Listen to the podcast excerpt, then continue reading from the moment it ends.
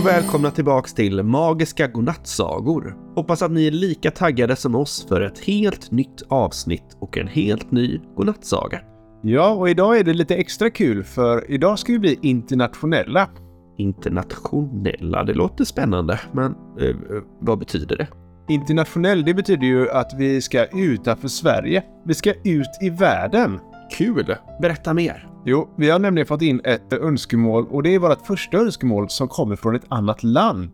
Vi har nämligen fått en önskning från Finland. Wow, vad skojigt! Vi, vi slår på Aida så får hon också vara med om det här internationella samarbetet.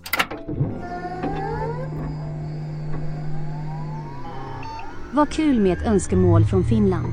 På finska säger man hyvää iltaa om man ska säga god kväll. Då passar det ju bra med lite fakta om Finland idag. Jag skriver ut ett papper till er här. Tack så mycket Aida. Då kommer dagens fakta om landet Finland. Finland ligger i norra Europa och är känt för sina vackra skogar och tusentals sjöar. Den finska flaggan, den är blå och så har den ett vitt kors i mitten. Och det blåa sägs symbolisera alla sjöar och det vita, det symboliserar snurr på vintern. Det finns en hel del roliga sporter i Finland.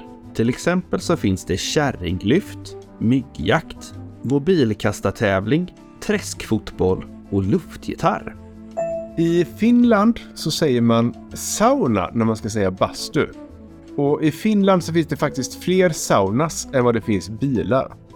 I Finlands huvudstad Helsingfors finns det till och med en Burger King-restaurang som har en bastu i. Finland har en sömntutedag.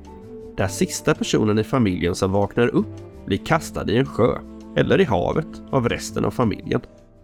Tack för den faktan. Det var ju skoj med lite fakta om Finland. Man vill ju absolut inte vakna sist den där dagen. Verkligen. Men nu får du berätta lite mer om det här önskemålet från Finland. Ja, dagens önskemål kommer från ett barn som heter Leonora. Hon är åtta år och hon bor i en stad som heter Larsmo.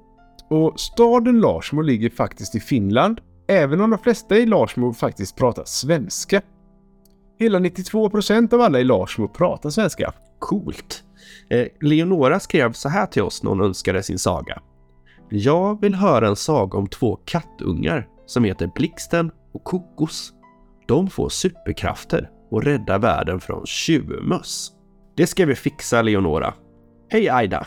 Kan du skriva ihop en saga till oss och Leonora? Såklart. Leonoras saga kommer här. Då kör vi igång sagan. Blixten, Kokos och Tjuvmössen.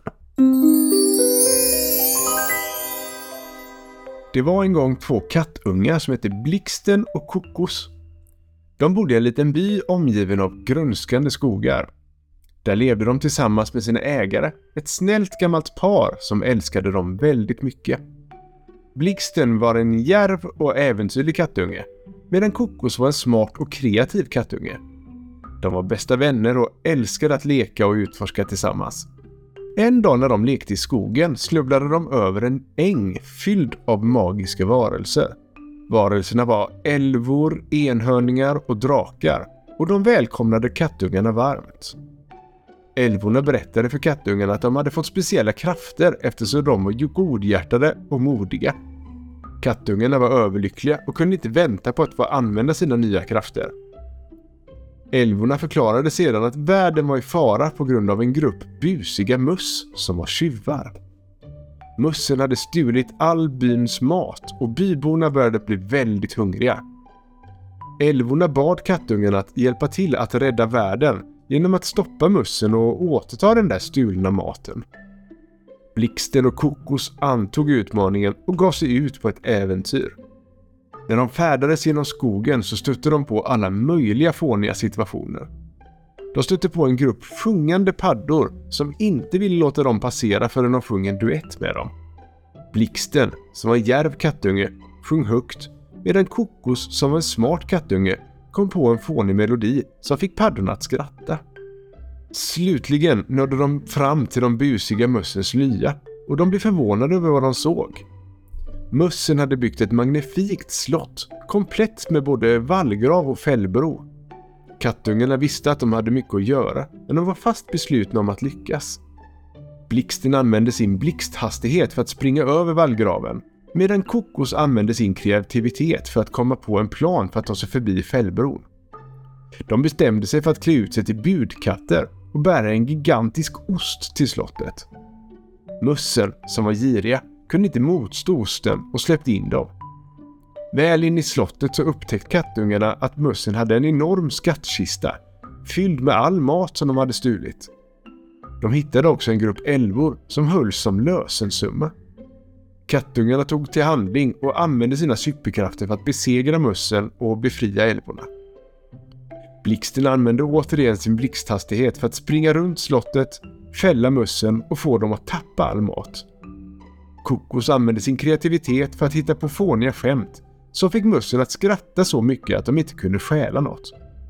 Till slut så kunde kattungarna hämta all den stulna maten och befria de tillfångatagna älvorna.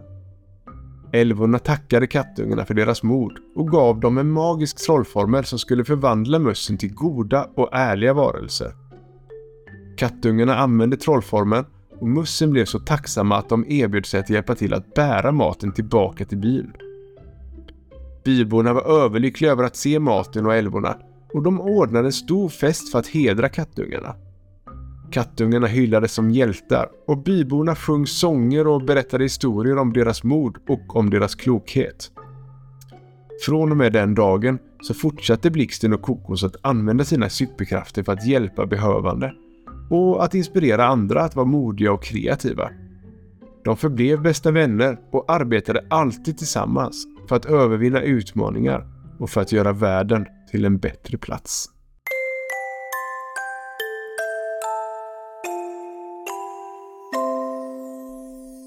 Tack för det! Och fortsätt gärna att skicka in önskemål till oss från just där du är. Kanske lyssnar du från något land som inte är Sverige. Då är vi lite extra nyfikna på att höra en sagoidé från ditt land.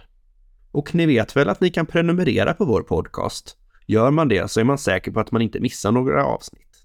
I Spotify så trycker man bara på fullknappen och om man lyssnar i till exempel Apple Podcaster så trycker man på de där tre prickarna uppe i högra hörnet och väljer full program. Lätt som en blätt. Nu är det hög tid för oss att sova och det tror jag gäller för er med.